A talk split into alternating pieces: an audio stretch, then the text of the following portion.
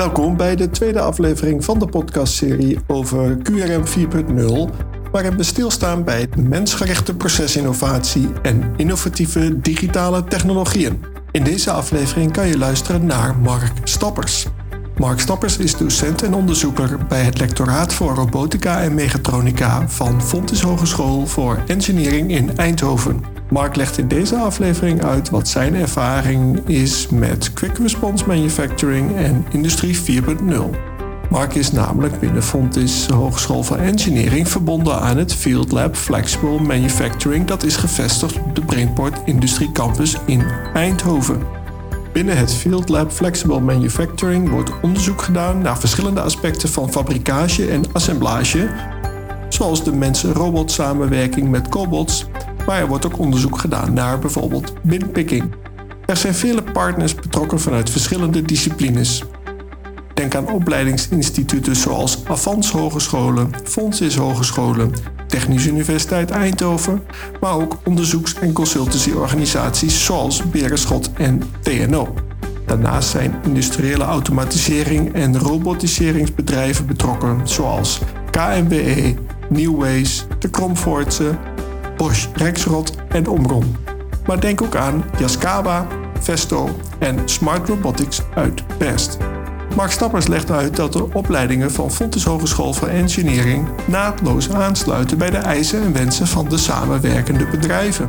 Denk aan de kennis en kunde die beschikbaar is vanuit de opleidingen elektrotechniek, werktuigbouwkunde, automotive, toegepaste wiskunde en de opleiding mechatronica. Mijn naam is Ronald Scheer en ik wens je veel plezier bij het luisteren naar deze aflevering van de podcastserie over QRM 4.0. Vandaag bij mij aan de tafel aangeschoven is Mark Stappers. Welkom Mark. Goedendag Ronald. Mark, voor de luisteraar die jou niet kent, kun je uitleggen wie je bent en wat je doet? Ik ben Mark Stappers, ik ben docent uh, en ik ben ook een onderzoek bij Fontes Engineering. Uh, en ik doe daar onderzoek op het gebied van smart industrie.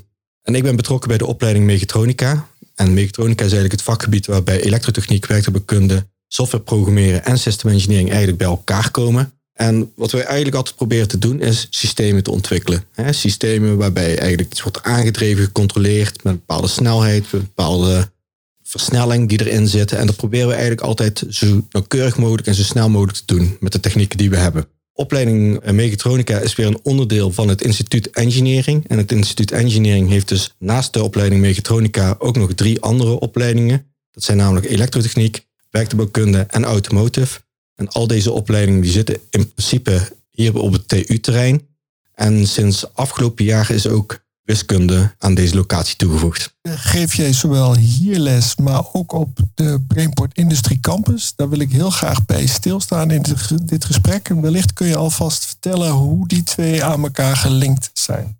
Nou, we zijn eigenlijk twee jaar geleden, in 2019, hebben we eigenlijk een stap gemaakt om bij de Brainport Industry Campus om daar betrokken te zijn bij de ontwikkelingen die daar gebeuren op het gebied van smart industrie. En dat is toen nog tijd eigenlijk ook een beetje een filosofie geweest die we hier hebben proberen te ontwikkelen. We wilden namelijk een expertisegebied hebben op het gebied van high-tech systemen. Dat is de locatie waar we hier op de TU-terrein zitten.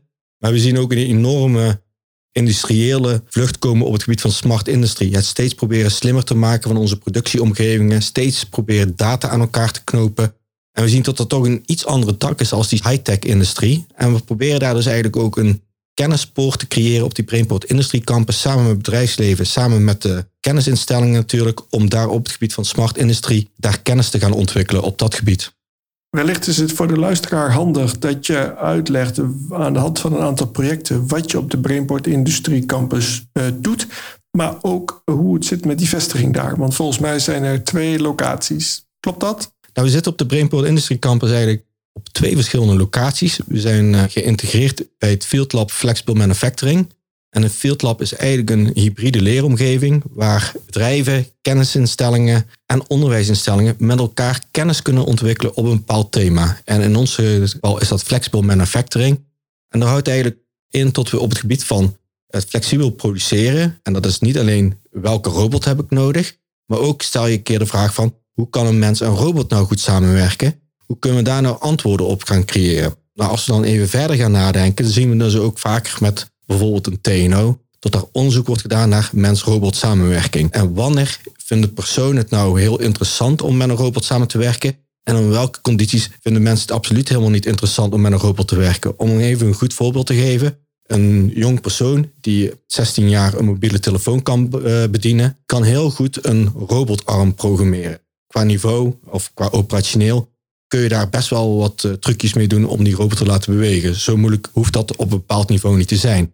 Iemand van 60 jaar die heeft bijvoorbeeld helemaal geen affiniteit met robots en kijkt daar met andere ogen naar. Nou, waar wij altijd naar kijken is natuurlijk van, zien wij kansen? En wij zien ook bijvoorbeeld kansen bij mensen met bijvoorbeeld een geestelijke beperking, die je bijvoorbeeld ziet in een productieruimte, die vaak instructies nodig moeten hebben om een volgende stap te kunnen maken. En wij denken juist dat we daar op dat gebied met mens-robot samenwerking en wat instructies dat je juist mensen kunt motiveren, zeker in het gebied van uh, een lichtelijke geestelijke beperking, dat je juist mee kan nemen in het productieproces.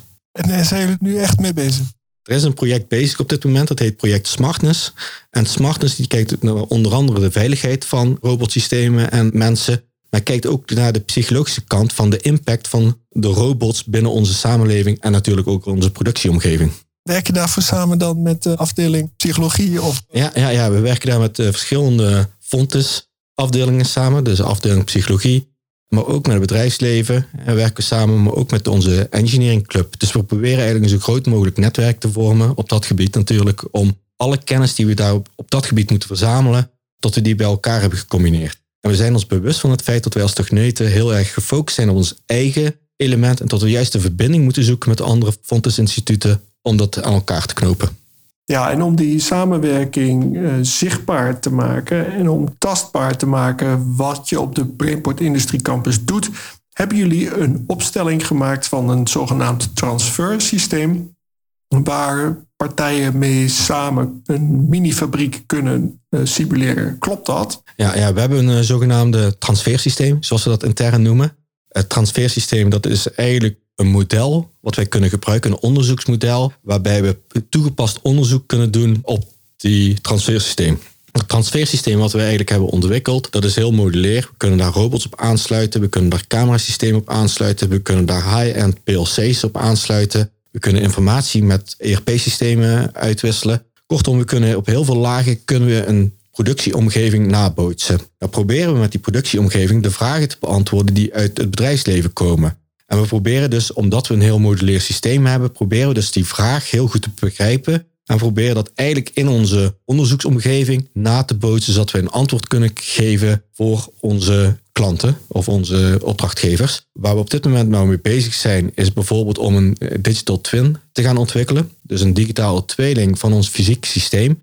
En daarvoor werken we eigenlijk samen met bedrijven die ook op de Brainport Industry Campus zitten bijvoorbeeld met Cordis, een softwareclubje, of het Siemens met de PLC's, om te gaan kijken van hoe kunnen we nou van ons fysieke systeem een digitale tweeling gaan maken. En in ons geval, wat verstaan we dan onder die digitale tweeling? Dat is niks anders als we willen het fysieke systeem virtueel kunnen nabootsen, maar we willen ook aanpassingen in ons virtuele systeem, als we dat ergens doorvoeren, dat het direct een één op één koppeling heeft op ons fysieke systeem. Dus als we software gaan doorontwikkelen, dan zullen we ook zien dat we dat ook direct kunnen terugzien in ons echte fysieke systeem, als we dat daarop zouden exploiteren. Oké, en begint zo'n project dan vanuit de vraag van het bedrijfsleven? Of is het meer dat het lectoraat vanuit een onderzoek zo'n project wil starten? Het zit eigenlijk in twee richtingen natuurlijk. Aan de ene kant hebben we als onderzoeksgroep hebben we een onderzoekprogramma op het gebied van smart industry. En proberen we dus ook zoveel mogelijk na te denken over hoe we een productieomgeving zo slim mogelijk kunnen inrichten. Dus we proberen te kijken naar wat voor type sensoren kun je gebruiken, wat voor extra machines kun je gebruiken. Denk bijvoorbeeld aan een autonoom rijdend voertuig wat we willen hebben, cobots, collaborative robots die we daarvoor willen inzetten, bepaalde type camera's die we willen gaan gebruiken. Dat zijn eigenlijk allemaal systemen waar we graag naar willen kijken. Oké, dus dit is een manier waarop een project kan beginnen vanuit het lectoraat en het onderzoek. Maar ik kan me ook voorstellen dat je soms bij een bedrijf bent en dat je dan tot goede ideeën komt. Kan je daar eens iets over vertellen? Nou, als we dan gaan kijken bij zo'n bedrijf, dan zien we vaak dat we in een netwerk hangen waar over bepaalde vragen, gewoon over bepaalde onderwerpen vragen worden gesteld. Bijvoorbeeld eh, de digital twins, heel erg in opkomst. Daar hebben we op dit moment een partner waar we iets mee gaan doen. En die komt eigenlijk met een vraag van, jullie zijn bezig met een technologie, met Cordis.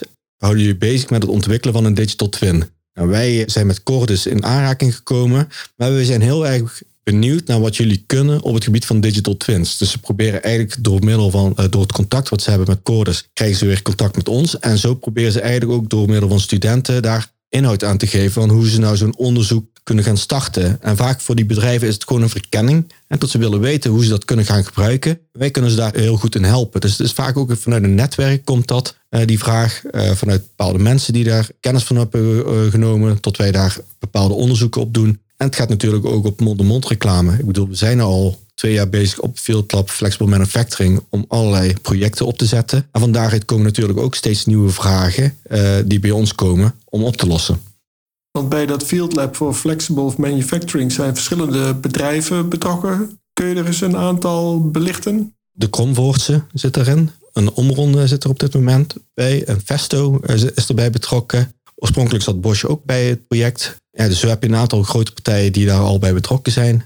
Maar we sluiten het niet altijd uit voor uh, kleine partijen. Het Field Lab Flexible Manufacturing heeft de afgelopen twee jaar eigenlijk een consortium gehad van allerlei partners die zich bezighielden met het ontwikkelen van die technologieën. Na die twee jaar houdt het Field Lab Flexible Manufacturing ook op met bestaan, in principe in dat consortium. En daarom zijn we ook aan het zoeken naar partners waarmee we samenwerken. En we zien er ook vanuit de industrie steeds nieuwe partners bij komen. En op dit moment zijn we ook dus een, een nieuw project aan het opstarten in samenwerking met bedrijfje Affix en Yaskawa om op het gebied van bindpicking daar iets revolutionairs neer te zetten.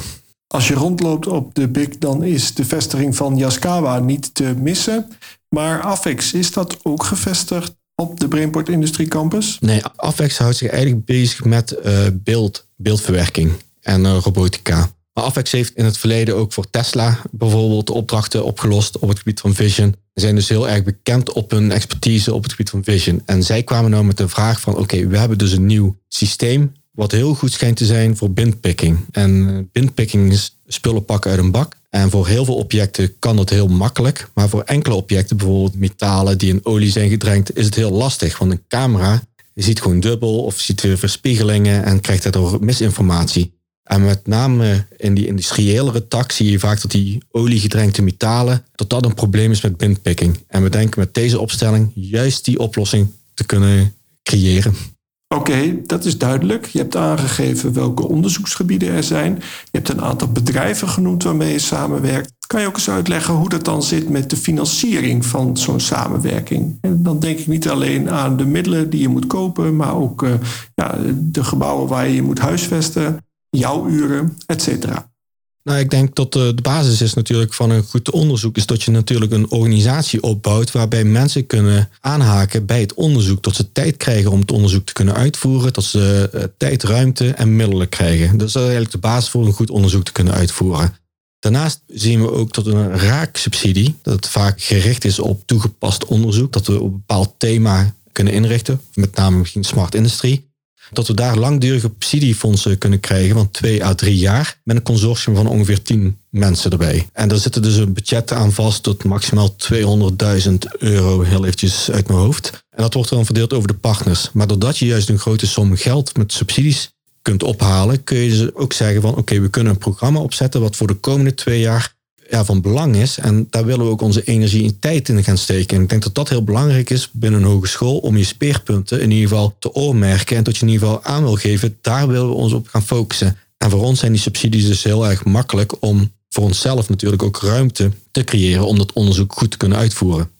Oké, de voordelen voor de samenwerking tussen hogeschool en de bedrijven is duidelijk. Kun je ook eens uh, noemen welke projecten vooral interessant zijn voor de studenten? Nou, wat ik met name interessante projecten vind, is natuurlijk ook de projecten die vanuit een field lab of ook direct herleiden tot er studenten ook gaan werken bij een van die bedrijven. Ik bedoel, we hebben in het verleden ook studenten gehad die bijvoorbeeld met Cordis een afstudeerrichting hebben gedaan. Een, een digital twin probeerde te ontwikkelen met een simpelere systeem in, het verleden.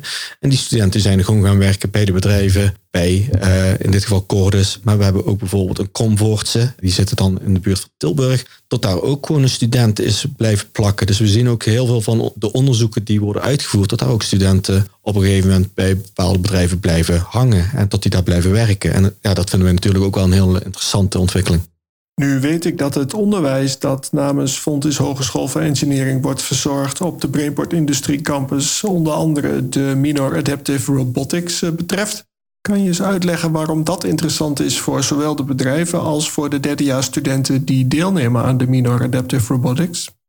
Als je gaat kijken naar hoe het onderwijs is georganiseerd, is zie je met name tot de eerste twee jaar van de opleidingen binnen engineering, tot het vooral de basis is proberen te leggen op het van wiskunde, elektrotechniek, werktuigbouwkunde, de software programmeren. En daarna ga je dus stage lopen. En als je de stage hebt gelopen, dan zie je ook en ervaar je ook gewoon hoe het bedrijfsleven opereert. Dus de 9 tot 5, je moet s morgens opstaan. Als student heb je net andere blikken op het leven. Kan je misschien op donderdagavond eh, uitgaan in tijden tot er geen corona was. En dan kon je dus vrijdagochtend met een enorme kater op het werk komen. Nou, je komt er dan heel snel achter dat het dus helemaal niet de bedoeling is bij zo'n stage.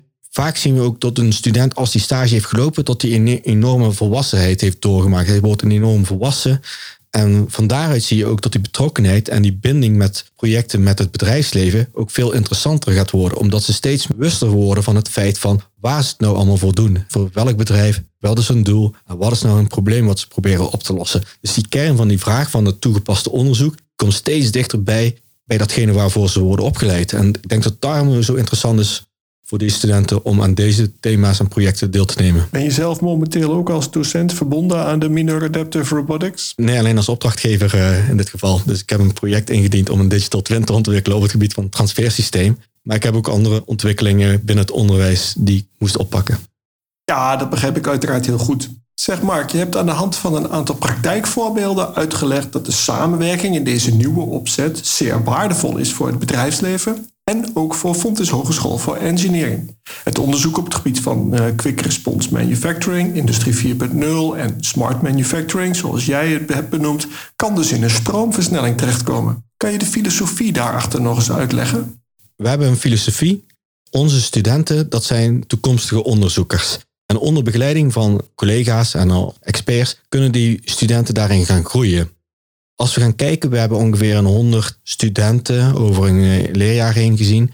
En als die allemaal onderzoek kunnen gaan doen, allemaal toegepast onderzoek kunnen doen, dan heb je veel meer aan tot dat er één docent een onderzoek gaat uitvoeren en vervolgens dat verhaal gaat vertellen. Dus we proberen ook echt in de rol van HBO dat toegepast onderzoek ook echt neer te leggen bij de studenten in het derde en het vierde leerjaar. Maar de verantwoordelijkheid die ze krijgen, die zijn natuurlijk ook een beetje afgestemd op het leerjaarniveau. Dus als we gaan kijken in het leerjaar 1, dan zijn vooral de projecten gericht op in-huis projecten, heel erg gesloten omgeving. Nou, in het tweede leerjaar zie je vooral projecten in-huis omgeving, maar we proberen de verbinding te maken met het bedrijfsleven. Maar ze zijn heel erg beschermd omdat ze hier op school die projecten mogen uitvoeren. In het derde leerjaar, dus bij de minor, zie je tussen, je gaat naar een externe locatie, kom met bedrijven in aanmerking, maar je hebt nog een beetje speelruimte, je wordt nog een beetje beschermd door onze omgeving. En in het vierde leerjaar, dan word je eigenlijk vrij en dan moet je het ook laten zien dat je ook waard bent om te gaan afstuderen en het HBO-diploma te krijgen. Dus we proberen daar ook in die opbouw met die hybride leeromgeving ook echt rekening te houden met wat kunnen ze nu wel, hoe kunnen ze nou de volgende stap maken en uh, wat hebben ze ook daarna weer nodig? Want we proberen dat altijd al een beetje in het achterhoofd te houden. Van ze maken een groei mee op een opleiding. Ja, Mark, heel goed dat je benoemt dat de student centraal staat hierin. We hebben in de afgelopen 20 minuten veel gesproken over de samenwerking met het bedrijfsleven en een aantal succesvolle projecten hebben we eh, benoemd. Is er aansluitend nog iets wat ik niet heb gevraagd of wat jij nog zou willen toevoegen? Nou, wat ik wil eh, toevoegen is natuurlijk, ondanks dat we in een lastige periode hebben gezeten met de coronatijd, is dat we wel het projectwerken binnen het HBO eigenlijk wel hebben proberen overeind te houden. dus we zien ook in de afgelopen jaar, anderhalf jaar eigenlijk, dat we met deze coronacrisis te maken hebben gehad, dat we nog steeds succesvol projecten hebben afgerond. Het eerste half jaar was wat lastiger, maar vooral het afgelopen jaar zijn we toch naar een modus kunnen gaan waarbij studenten in een actieve rol op een fysieke locatie aan de slag konden gaan ook hun dingen konden maken en ook uiteindelijk iets hebben gerealiseerd. En ik denk ook gewoon binnen deze lastige omstandigheden, want het is ook allemaal aanpassen, zie je toch dat er heel veel dingen mogelijk zijn. En dat is denk ik ook wel de boodschap die ik wil meegeven. Ondanks dat het af en toe lijkt dat het heel moeilijk zou kunnen zijn, zijn er toch altijd oplossingen voor deze hele moeilijke dingen. En ik denk nou, totdat dat het al een heel mooi positief uitgangspositie is van wat je ook wil gaan veranderen. Eh, probeer er gewoon altijd achter te staan en dan lukt het wel. Ja, en die oproep geldt natuurlijk niet alleen voor de studenten, maar juist ook voor de bedrijven die dit voor het eerst horen en denken: hé, hey, dat is interessant, daar wil ik ook wel aan bijdragen. Is het mogelijk voor bedrijven om contact op te nemen met jou? Ja, wij kunnen gewoon meedenken met hun vragen en ze kunnen altijd contact met ons opnemen. En daarmee kunnen we altijd kijken van wat we voor hen kunnen betekenen. Ah, prima. Je mag zo vertellen hoe bedrijven contact met jou op kunnen nemen. Maar ik heb nog eh, drie afsluitende vragen. En de eerste vraag is: eh, heb jij recentelijk nog een boek gelezen wat jouw denken en handelen heeft beïnvloed? Nou, ik heb toevallig een uh, boek gekregen, want ik had laatst een presentatie gegeven richting een andere hogeschool op het gebied van over Field Lab Flexible Manufacturing. Ik kreeg een boek dat heette werkvuur. Het gaat er eigenlijk over van hoe krijg je nou energie als je naar je werk toe moet gaan. En het is een heel echt een boek om een echte aanrader. Om een tipje van de sluier te geven. Het begint natuurlijk altijd in het begin van de Romeinen dachten vroeger al dat werken een straf was. En dit hele perceptiebeeld van werken is een straf, dan moet je eigenlijk proberen om te draaien naar iets plezierigs. En daar draait het eigenlijk om. Hè? Van hoe zie je nou iets van werk waar je tegenaan moet kijken van oh, een hoge berg van daar kijk ik tegenop. Nou, dat probeer je dan om te draaien door een andere blik op je eigen werk te krijgen. En ik denk dat dat een heel leuk boek is en een tip voor iedereen om te lezen. Ah, kijk, interessant. Dat boek ken ik nog niet. Ik probeer de tips die ik krijg uh, zoveel mogelijk op te volgen. Dus dit boek voeg ik ook zeker aan mijn leeslijst toe. Volgende vraag is, welke podcast luister jij zoal? Nou, ik moet eerlijk bekennen dat ik niet zo heel veel podcast beluister. Maar als ik eentje beluister, dan is het vaker uh, van Formule 1, Behind the Grid omdat daar vaker met de achtergrondpersonen wordt gesproken. Uh, Alan Prost was van afgelopen weekend bijvoorbeeld. Uh, hij is een wat oudere Formule 1-coureur onder, onder de jongere luisteraars. Maar ja, dat vind ik altijd wel leuk om als achtergrond gewoon een beetje mee te krijgen. Ik hou erg van de Formule 1, dus ik probeer ook zoveel mogelijk informatie te krijgen. En ja, zo'n podcast op de achtergrond, dat kan ik er wel bij hebben hoor. Dat is niet zo'n probleem. Ja, nu weet ik dat een van jouw hobby's is om zelf ook eh, te racen. Eh, kart racing is eh, geloof ik jouw hobby. Ja, klopt. Ja. Ik probeer zoveel mogelijk in een kart te stappen en ook online te racen. Ja, zoveel mogelijk en zo hard mogelijk natuurlijk. Ja, interessant daarbij is dat bij de opleiding Automotive van Engineering een race simulator was neergezet. En volgens mij was jij gevraagd om als eerste de snelste tijd eh, neer te zetten. Of gewoon als eerste überhaupt een tijd neer te zetten. Het was natuurlijk voor studenten interessant om de docent te gaan kloppen, om de docent te verslaan. Maar er zit een hele filosofie achter die opleiding en die race simulator. Kun je de laatste minuut daar iets over vertellen? Het doel volgens mij bij de automotive was ook om daar later ook eventueel een raceteam aan te gaan verbinden. En ook uh, ja, daaromheen een hybride leeromgeving te gaan ontwikkelen. Dat er een echt virtual rijder zou zijn. Dat je een team had die mee kon kijken in de pitstraat. En op basis van de informatie die een student dan verkreeg met het rijden. Dat ze daar allemaal aanpassingen konden doen in een digital twin alles konden doorrekenen, vervolgens op de simulatie konden invoeren en dan konden ze dat weer aanpassen. Het is natuurlijk een hele lange termijnvisie om dat te implementeren en ik hoop nog dat het ooit een keer gaat gebeuren. Maar het is gewoon de verschillende uh, belevingswerelden aan elkaar knopen. Dus dan doe je eigenlijk de automotive, de mechatronica, de data van de software programmeren. Eigenlijk doe je allemaal met elkaar verbinden. Dus als de mensen van Automotive nog een keer meeluisteren, dan uh, neem contact op en we gaan een leuk project starten. mooi, mooi. Weet je ook of na jouw uh, track record is uh, verbroken? Of uh, is jouw record Nee, maar ik kan me best indenken dat het is verbeterd inmiddels. Ik moest hem volgens mij nog zonder setup rijden. Dus, Mooi om te zien dat je hier zo enthousiast over bent. Het brengt mij tot de laatste vraag. Naar wie zou jij graag eens willen luisteren in deze podcastserie als het gaat over deze onderwerpen? Lastige vraag. Het is niet naar één persoon kan brengen. Ik denk dat ik misschien wel meerdere personen wil benoemen. Ik denk dat uh, vanuit een Field Lab Flexible Manufacturing van een project zoals Smartness, dat we meneer Foreman van uh, Omron kunnen spreken. Nou ja, John Blankendaal is natuurlijk een bekende vanuit de Brainport Industry Campus. En kan dus heel goed het overzicht bewaren over het gebied van smart industrie. En ik denk dat hij dus een hele goede blik heeft op wat het bedrijfsleven kan bieden voor de regio Eindhoven. Maar hij kan ook heel goed inschatten wat onderwijs betekent nou voor de Brainport Industry Campus. En vice versa, wat de Brainport Industry Campus kan betekenen voor het onderwijs. Dus ik denk als je gaat kijken naar digital twins en op de manier waarop we samenwerken, tot ik heel erg met Benno Beuting Cordis uh, wil, uh, graag in de podcast zou willen hebben. En vanuit Siemens, Daniel Kofman. Oké, nou interessant. Uh, Super bedankt dat je hier mijn gasten hebt willen zijn. Wat is jouw eerste reactie? Nou, ik vond het heel leuk om hier te zijn. Heel gezellig. De koffie was lekker. En daarmee zijn we aan het einde gekomen van deze aflevering van de podcastserie QRM 4.0 over mensgerichte procesinnovatie en innovatieve digitale technologieën. Wil jij ook graag een bijdrage leveren aan deze podcastserie? Dat kan. Je kan een berichtje sturen naar mij op r.scheer.fontes.nl, maar je kan ook een berichtje sturen naar Sandrine de Goede. Zij is namens Brightland Smart Services Campus degene die alle contacten beheert. Je kan je ook aanmelden voor de nieuwsbrief qrm.smartservices.brightlands.com. Tot slot wil ik de luisteraars bedanken en vergeet je niet te abonneren op deze podcastserie, want binnenkort staat er een nieuwe aflevering voor je klaar. Graag tot dan.